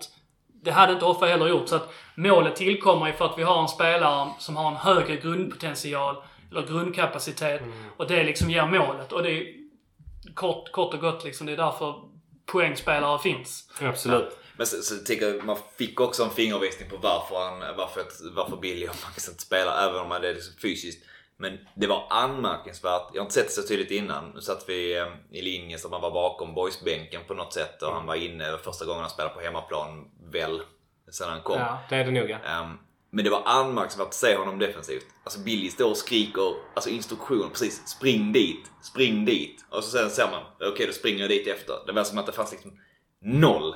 Så här att detta bör jag göra i det läget. Utan det var verkligen så. Spring dit, dit. Alltså Ja. stod, stod gal på honom. Det var kanske framförallt i slutet vilket gjorde att det var extra pressat. Men så. ändå, där Men är det var en dröm. Ja men precis. Jag tänker, ja, mycket av svaren ligger väl säkert i det också.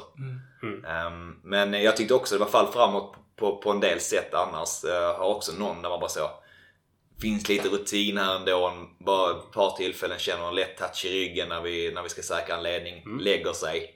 Frispark. Jag tror det vid två tillfällen. eh, Som man nu säger att ja, sånt har han ju också i sig på kanske ett annat sätt än, än eh, ganska många andra spelare i truppen. Det hade ju varit spännande att se honom i match 90 minuter. Eh, och se hur, hur, hur stor skillnaden hade blivit. Till exempel då jämfört med, med Hoffa. För att Hoffa bidrar ju enormt mycket eh, med sitt pressspel och eh, att han kan vinna boll. Han kan låsa fast boll när vi behöver det. Frågan är hur... Liksom, det, Erik borde ju ha det. Han är ju rätt stor och tung men det känns ändå inte riktigt som hans spelstil. Han känns inte riktigt som en target. Han känns mer ligga rulle och, och att han är riktigt bra i boxen och bra avslutare. Men jag tror ni han får chansen från start mot eh, Värnamo? Nej, tror inte det. Det är precis som du säger Bön, att det ser inte helt naturligt ut i, liksom, i andra faser av spel. Han, han har ju varit extremt skadad. Alltså han har ju inte Ja. spelat fotboll på, på jättelänge här nu så att det... Kan vi få igång, få igång honom ordentligt så är han ett plus. Eh, på grund av de här faktorerna som vi pratade om innan. Eh, och de, de står jag fast vid liksom. Och de, de, de kan man se hur, eh, liksom hur mycket han än, än liksom inte får, får det andra riktigt på, eh, på pränt eh, ännu. Alltså det som är med honom är att han, han kan ju bara spela på en position i det här laget. Ja. Alltså, och jag tänker att det finns lite problem de senaste tre matcherna. Alltså, så runt omkring, det finns på vissa positioner men det känns inte som att Hoffas position är liksom main problem utan det finns annat att lösa innan man kanske kikar på att byta Ja, nia, definitivt. Hoffa har ju gjort det väldigt bra. Jag tycker... Ja, även om man har kommit bort senaste nu har han mål Ja. ja. Västerås borta i och för sig. Men senaste två matcherna så Ja, har han inte varit lika delaktig. Ehm, och lyckats. Men, ehm, Han hade ett bra, han hade ett bra läge med HF borta. Nickläge. Just det, ja. Eh, som, fan liksom, det kunde blivit hur nära farligt. var det egentligen? Det var ju säkert en halv meter lite Det drygt. det. Men det var ett bra läge. Han kommer upp fint. Det skulle, där skulle, det, det skulle kunna bli mål. Det är en bra målchans. Ehm, Men jag kom på, han, han kom ju inte riktigt till rätt i sitt pressspel mot, mot HIF där. Det kändes som att han flera gånger försökte eh, göra sina tjurrusningar och så men framförallt på Charlie Weber så eh, han liksom bara steg förbi honom och fortsatte avancera. Där, där tyckte jag att man såg liksom lite grann av den här eh, reptilhjärnan som bara tänker en tanke liksom. Hoppas jag boll. Liksom ta boll. Langen fick känna på det. ja, det fick han i och för sig. Fint. Men ibland att man, man liksom skulle önska att han kanske använder liksom någon parameter till i, i det spelet där. För att när man möter... I det fallet där så tyckte jag att han mötte liksom överman i, i just i det defensiva pressspelet där. Att Det, det är inte bara att springa allt vad man kan. Det funkar ju på Videll i och för sig då för att han... Han var ju livrädd för att ha, ha en fotboll vid, vid sina fötter.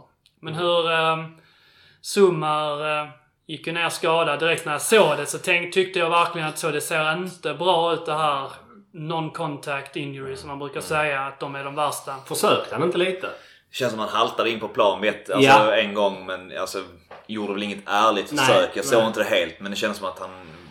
Jag såg knappt att han kom in på plan. Nej, det gjorde han. Ja. Tror, tror Jag kan blanda ihop det. Alltså jag vet att han, han var inne på planen. ställde sig ja, upp, och sen eh, kom han- in. Han ställde sig upp och satte sig ner igen i Ja. alla fall. Precis, det gjorde han vid ett tillfälle redan då när de plockade ut honom från planen. Mm. Att han först var på väg upp och ut men sen fick sätta sig ner igen. Sen så tror jag, för jag såg bara det precis när han sen går ut helt och hållet. Då kommer han precis från liksom, sidlinjen mer eller mindre och går ut Mm. över. Men är det någon som, har ni någon uppdatering vad det är för typ av skada? Snackar väl inre ledband. Inre ledband och han misstänkte, han kände väl att det var samma som i fjol också. Ja just det, han har haft det innan ja. Ja, och det var, han beskrev samma typ av, ehm, av ehm, rörelse i foten när, han, när skadan skedde också. Så, så att han... Då ehm, blir han ju borta. Fyra till sex veckor hade Thomas eh, Mårtensson sagt till honom så att eh, Summa liksom förkortade det till tre. Men eh, det... Ja, det, han är ju borta en beskedlig tid. Eh, Ledbanden... ehm, ibland läker de fort och ibland läker de inte fort. Ehm, så att det är sådana skador som man ibland Här har kan... du ändå lite backning. Det är inte bara så att du sitter och Nej, här, gissar. Det är ändå här har jag lite grann. Här har du ändå en utbildning som, eh, som gör att du får uttala dig om detta. Befäster. Ja. Ja, Så ja. det är sådana skador folk ibland klarar av att spela väldigt tidigt och liksom spela igenom dem. Men ehm, Mm. ehm, vi, vi får väl se. Det, det som blev väl... Måns fick ju spela Mm. äntligen, eller hur man säger så. Det var ju... Det pratade jag också om egentligen samma dag där. Man ska inte gapa om för mycket där, men jag, jag pratade lite grann, skrev om att eh, jag ändå hade velat se Måns i, liksom i någon form och tappning här. Att han har blivit lite, lite bortglömd den här säsongen. Men att jag samtidigt liksom resonerade med mig själv och kom fram till att det finns liksom ingen lösning på det hela för att Sumar i den rollen är liksom för bra för att ta bort som sexa. Och det är liksom inte... Måns funkar inte i de andra i åttorna. Men att, alltså så, som spelare för spelare så hade jag liksom varit intresserad av att ta bort antingen Fille eller Utto och få spela med, med Måns. Men jag hade inte velat spela med Måns egenskaper. Nej. Men spelaren Måns hade velat jag få in på något sätt så att nu, nu fick jag in den då. Eh, och tyckte att han såg ganska bra ut i det liksom lilla ja, han, han ser där. Men tyckte att han... Eh, tycker väl egentligen att Måns är en underskattad spelare. Man får ut rätt, rätt liksom så. Jag tycker ändå att man får det man liksom... Att han gör det som krävs. Att han också ändå kan spela efter matchbilden liksom. Alltså är det gris så kan det vara gris. Om han ska diktera lite tempo så tycker jag ändå att han, han löser det hyfsat bra. Sen så är han ju inte summar heller. Men Nej, vem, vem ska stå för det? Att slå ut lagdelar med, med sin blick och sitt lugn och passningsfot? Är det, är det Utto som kommer han få axla den rollen? Eller hur tror ni man kommer göra nu mot Värnamo? Värnamo hemma är ett spelförande lag. Där tror jag förvisso Måns kan passa bra, men vi hade ju behövt Summar. Ja. Men frågan är... Ja, Jag tyckte att de... ehm, Det var, det var redan innan, ehm, innan, eh, innan Summar skada men igår att man spelar mer av en nästan Phil Olsson som en tia och Summar och Utto som två stycken mer sittande mittfältare. Mm. Och jag vet inte om det bara är för hur matchen artade Ja, sig. man har gjort det i vissa matcher. Ja, jag, tror, jag tror det lite grann beror på hur deras... Eh, alltså, de vänder, vänder sin triangel Ja, efter hur ja. deras motståndare lägger att sig. eh, det kanske så att vi skulle få se en grej att man gör det kanske, kanske lite, Tydligare. lite tydligare just för att innan de har haft det Zuma har varit så otroligt bra på det så att liksom, man, han har kunnat axla den rollen. Nu är det kanske två stycken som inte är Mm. riktigt lika bra på det som får skiftas om och hjälpas i det spelet. Och det blir lite grann kanske av en blessing in disguise. För att rätt mycket av det vi har pratat om är ju också liksom att de flesta lagen har ju förstått att om vi låser man Zuma så låser man ju den liksom kreativa utposten i, i laget och framförallt i uppspelen. Så, så att eh, nu måste ju boys, men även motståndarna hitta liksom, boys måste hitta ett sätt att komma runt detta nu och göra någonting annorlunda. Och det betyder ju också att motståndarna i, i mindre utsträckning kommer kunna förstå hur matchbilden kommer vara. Ja. För att eh, vi kommer inte kunna spela exakt likadant. Utan det kommer ju nog kräva att det blir lite rakare och lite enklare. Eh, vilket inte behöver vara, vara dåligt i sig. Jag menar om vi... Om vi liksom bara spelar tillbaka i början av säsongen. Första matcherna flög det inte riktigt så. Det tog ett tag för Zuma att komma igång också. Att liksom bli den här... Och då var det också liksom bilden av att vi, vi faktiskt... Vi liksom vann matcher på lite, på lite annorlunda sätt då. Sen så hade vi liksom den här formen där vi, där vi körde över motståndarna och Zuma var, liksom höll allsvensk klass. Mm. så att det är kanske att vi lite grann får backa tillbaka bandet och komma på så att man kan faktiskt vinna matcher utan att behöva spelmässigt dominera och trycka ner sina motståndare och liksom alltså, anamma den känslan och bara liksom ta så. Det är liksom en match så. Vi vinner den här matchen hur vi än behöver göra. Om Måns ska stå här och grisa och liksom eh, göra det han behöver göra så kan Phil Olsson få knorra in en frispark i 70 istället. Men det är liksom fine. Mm, absolut. Men om man ti- någonting jag har reflekterat över både mot HIF och mot Västerås är att Ottosson har varit lite anonym. Man har inte sett honom så mycket. Jag tror det blir viktigt att han träder fram. Ehm, det, det saknar vi. Och det känns lite kanske som att han får axla lite av Summas roll. Ja. Men det, det som blir nu, tänker jag väl, jag håller med dig att jag tycker Otto har försvunnit lite. Så, så tycker jag vissa han gör det, det kommer han göra i den rollen för att han är mycket av en, en eh, det bollfördelare. också. Så, liksom. Ja. Men Det är Snarare Fille man nästan Ja, eh, liksom ja, är den ja, där du kan kräva... tydligare. Men det som jag tänker blir befäst nu med att, med att, med att Zuma är out, det blir väl att Ja, de kommer inte röra på varken Fille Olsson eller Ottosson. Nej, det kommer att de inte. Där finns, alltså de är en oavsett hur pass... Om inte Heijer är tillbaka, det är väl den, den möjligheten skulle finnas i alla fall att göra någon Ja, form av skillnad. Att det är han skulle sant. komma in centralt. Men där är ingen av dem, alltså varken Jamons som kommer in nu passar inte heller, spela två av den typen av spelare kommer de inte kunna göra för då Nej. kommer de bli för låsta tror jag. Mm. Ja. Och det är ju Blix då. eh, Om han nu kan vara... han. Frågan är Eh, vilken han har ju varit position han är skadad bäst. också. Ja, eh, ja, okej. eh, han, han kom ju i princip skadad så att All han right.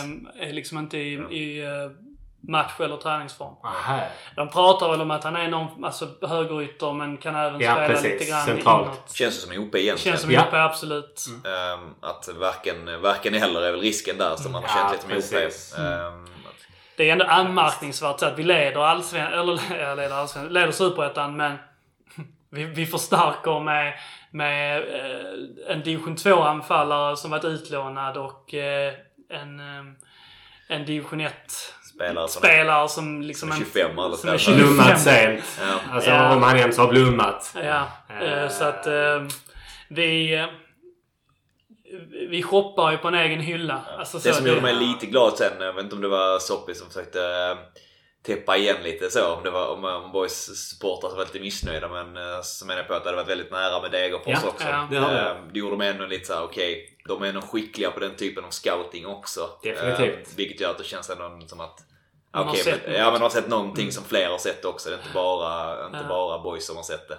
På tal om eh, scouting och, och så här så en spelare som imponerat starkt på mig de här två senaste matcherna och även, även liksom tidigare är ju Murbeck. Som jag tycker eh, liksom går från, går från klarhet eh, till klarhet verkligen här. Jag tyckte han tog, tog emot eh, Hurk lite tufft första 5-10 där men sen tyckte jag att han käkade upp honom ganska bra faktiskt och att det är han som stiger ut som vinnare i den matchen.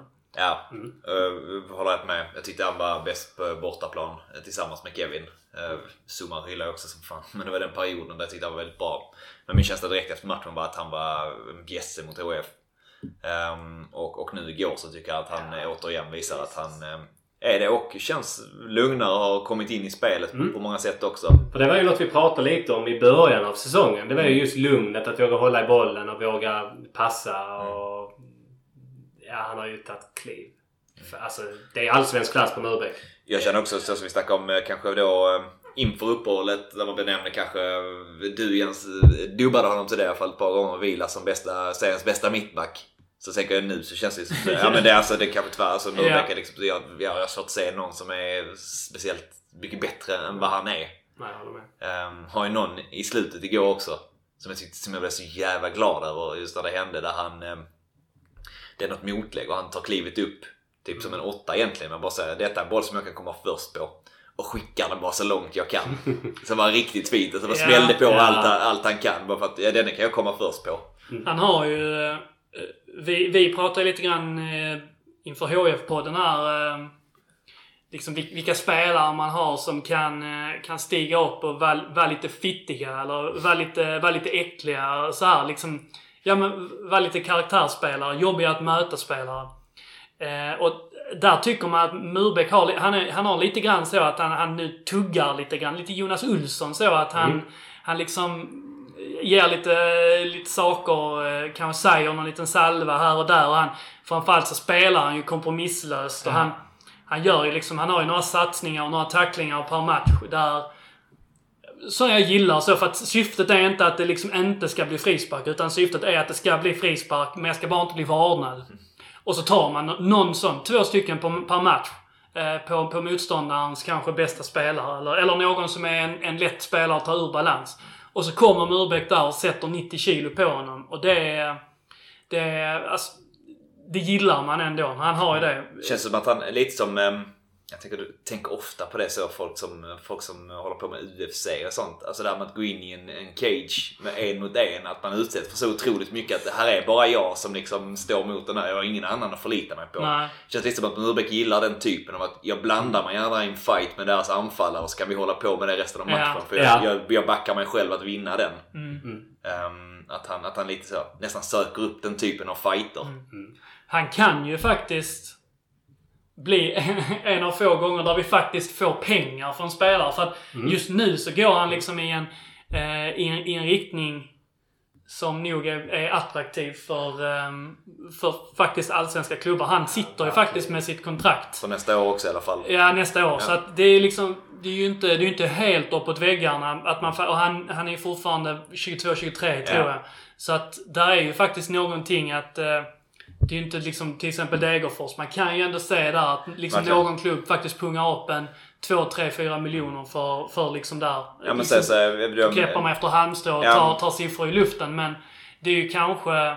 Alltså nu om, om, vi, om vi bara ändå accepterar det faktumet att Zuma och Kevin kommer att lämna utan att vi, vi kommer få någon krona om inte, om inte någonting anmärkningsvärt händer så... Zumans ja, skada är lite allvarligare. Ja, eh, precis. Det var korsbandet. Det var korsbandet så behöver han vara kvar nästa år också. Mm, precis. Så, ehm, så är detta chansen. Ja. Så att säga, jag ser inte direkt det ska till stora utvecklingar annars i truppen för att någonting annat ska hända. Det är ju Phil. Phil Olsson i ne- next man up i så fall, men han har ju inte... Han har ju inte haft den säsongen som motiverar. Nej. Nej, jag tänker också om, om, utifrån sett. Om man, om man vet någonting om Urbeck utifrån vad är som kommer fram som en allsvensk klubb så vet du att det är, det är en otroligt seriös spelare som gör liksom lägger ner allting för att bli så bra som möjligt Mm. på fotboll, tränar på egen hand. Alltså som du sa, 22, 23. Ja. Han var väl på väg till Göteborg? Ja, det var ett, det var ett gäng år sedan. Ja. Han Det provtränade med dem. Ja. Ja, det var när han lämnade Danmark tror Det jag. har, det har funnits intresse. eh, Allsvenskt intresse. Ja. Alltså, Ja, det är länge sedan. Så. Ja. Ja. Han fick ju ändå börja om i Ljungskile och Absolut, ta, ta absolut. liksom eh, resan så. Men absolut. Och han eh, så, har ju absolut en rådgivare slash agent som, eh, som sonderar hans, hans terräng så. Men... eh, Hoppas inte det är Martin Dahlin också. Jag kommer inte ihåg vad han snackade om men det var någon som hade haft ett... eh, han var missnöjd med sin agent i Danmark i alla fall. Han fick, uh, fick Just sparken fast Och han han fick vara eller- i Köge eller Ja, exakt. Vejle eller något sånt skit. Men Martin Dahlin hade man inte velat ha som agent. Det känns som en ful fisk. Nej men det gör det. Det gör Kevins det. agent va? Ja, Ja. Jo, men precis. Det är det. Han, han har inget intresse i att eh, eh, det ska gå bra för Landskrona boys. Det är en MFF. Nej det har han inte. Han tänker inte på Kevin Jensens eget bästa. Han manipulerar honom. Han sitter inte på dubbla stolar här i alla fall då. Att han uh, sitter tydligt, det är en stol han sitter på. Ja, så är det verkligen. Dahlin. Nej. Vad tror vi om, eh, om eh, framtiden här nu? Nu är det ju eh, Värnamo på, på lördag. Det är ju en... Eh, med tanke på att vi har suttit här nu snart eh, 90 minuter så, så har vi pratat extremt lite om att det faktiskt är en seriefinal eh, i princip nu då på, eh, på lördag. Och efter det är det väl eh, HIF. HF direkt va? Mm. Serien börjar ju lite grann så. Där är väl lite grann om, eh, om Trelleborg det var lite, tyckte det var synd att de vann nu senast. Det var gött om de hade haft en trean bak där.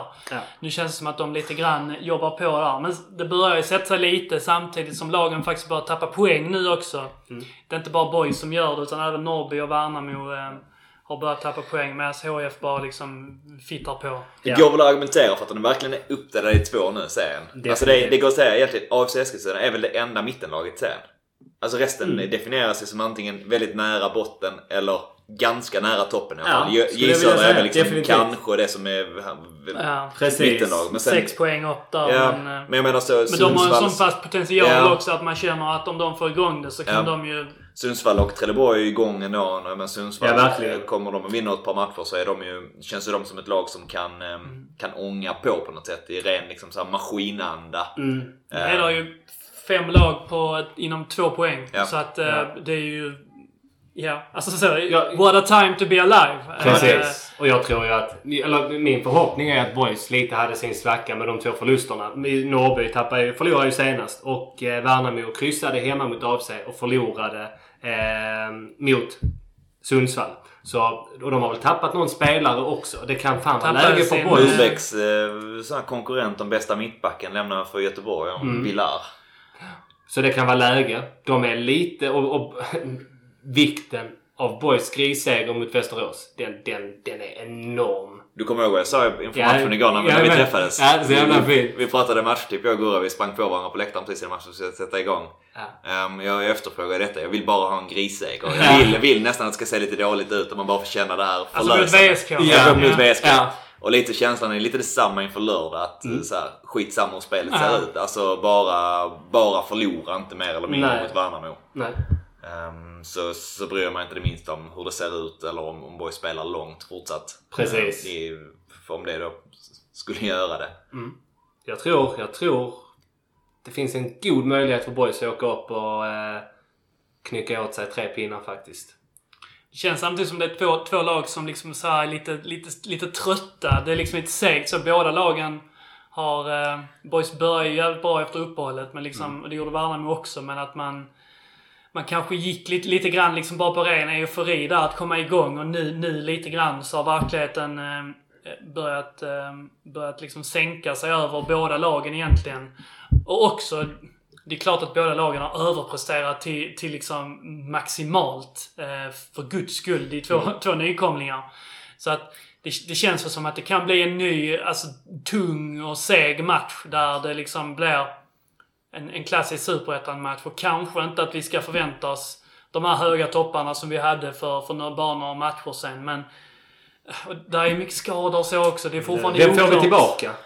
Vet vi det? Det kändes väl som att OP vilades eh, mer än att han var skadad. Ja, att det det var lite vara. grann att han, han eh, liksom safeades. Han, han behövde ha, ha en, eh, en viloperiod. Mm. Ehm, Hur är det med Heiers ljumske? Det är ju inte, det är inte optimalt att han är, alltså, att han är borta nu igen. Det känns Nej. illa. nej, det är samma där. Nu, då vill jag inte gå på samma... Det händer liksom LRO kom, kom, precis, det dröjer. Men det känns som att man är nog rätt så försiktig för Heier satt ju ändå ut ett par matcher och nu visade det sig ändå att det var för tidigt. Så nu vill de nog verkligen inte chansa. Mm. Eh, så det känns som att nu, det vet jag inte men... Nej, finns Blixt, det jag tror Blixt... Eh, jag tror han skulle vara aktuell för matchtruppen. Snacka om det att han skulle Mm. få, att han skulle få, eh, få minuter mot nu eh, i, i kuppen. Ja. Ja, vi får ju hålla tummarna att det inte blir några fler skador där. Ja. Man skulle ju nästan vilja ha in, eh, alltså ha in någonting mer nu. Alltså liksom... Jag vet, in i Malmö liksom. Hej, har ni någonting offensivt här som ni kan tänka er att låna ut ifrån? Alltså, Adi Nalic spelar inte så mycket. ja men eh, alltså något så. Det, det börjar kännas lite tunt. Och om de här, Ja, men om. OP faktiskt har en skada och Melker inte kommer tillbaka. Ja, Om LRO är borta, som ändå Nilsson är borta. Som, Alltså, eh, Zuma är borta eh, säkert en månad. Eh, Det vi har till vår fördel är backlinjen ser fin ut. där är Den är liksom- fin, men... men jag tror, jag tror Ja, vi kommer ja, få se en... eh, Ja, jag vet inte, det, jag håller med dig. Det är klart det känns tunt. Framförallt så är det också typ att... Känslan är väl att säga, ja vi, vi kan få ihop en elva som är slagkraftig. Och jag menar det, det krävs... Det är liksom, vi kommer antagligen spela med samma, samma backlinje och vi kommer väl spela Ja. med Måns, Otto och Fille.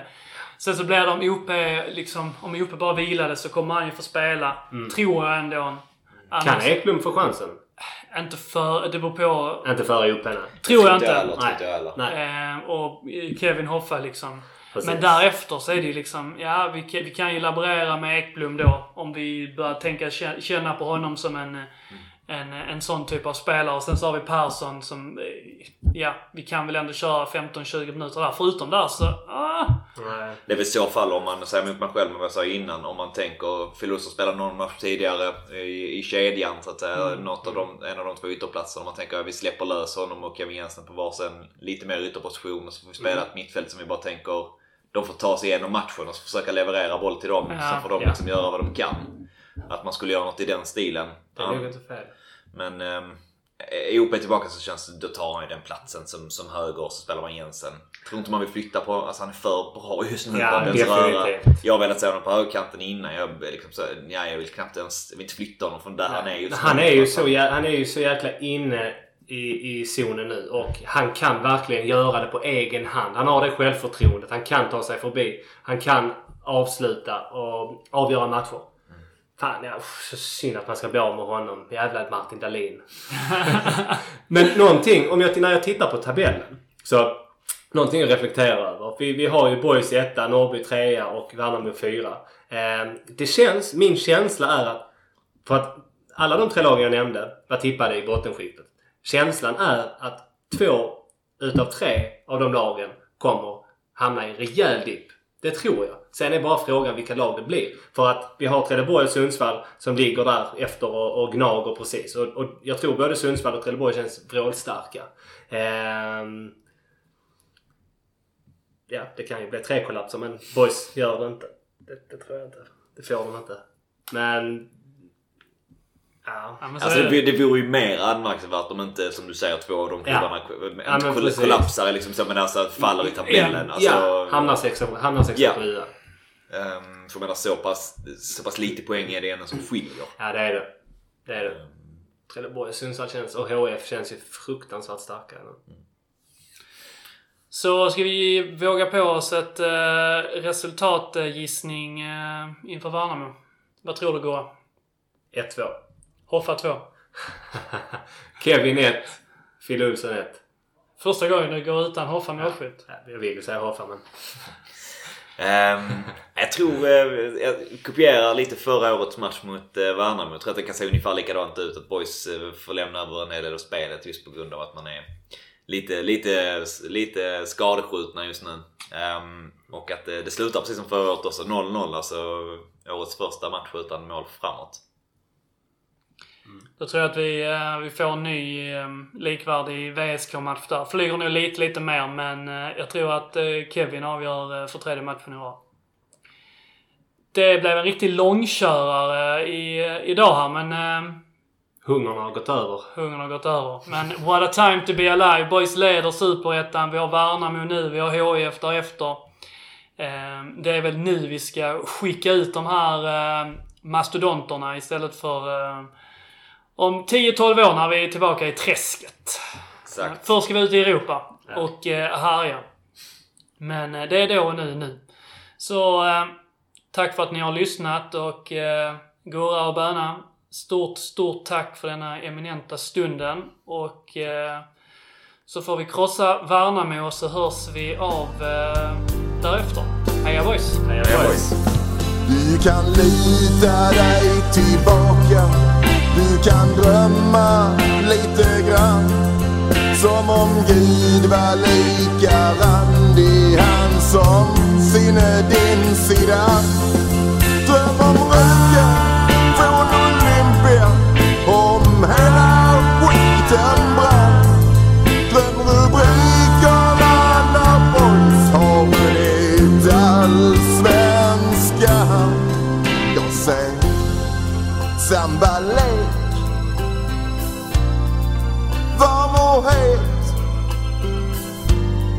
jag ser grym överlägsenhet. Ja, du ser väl det själv. Vilket underbart lag.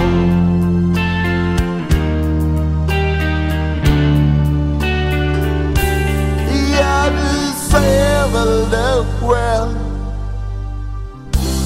Vilket underbart lag.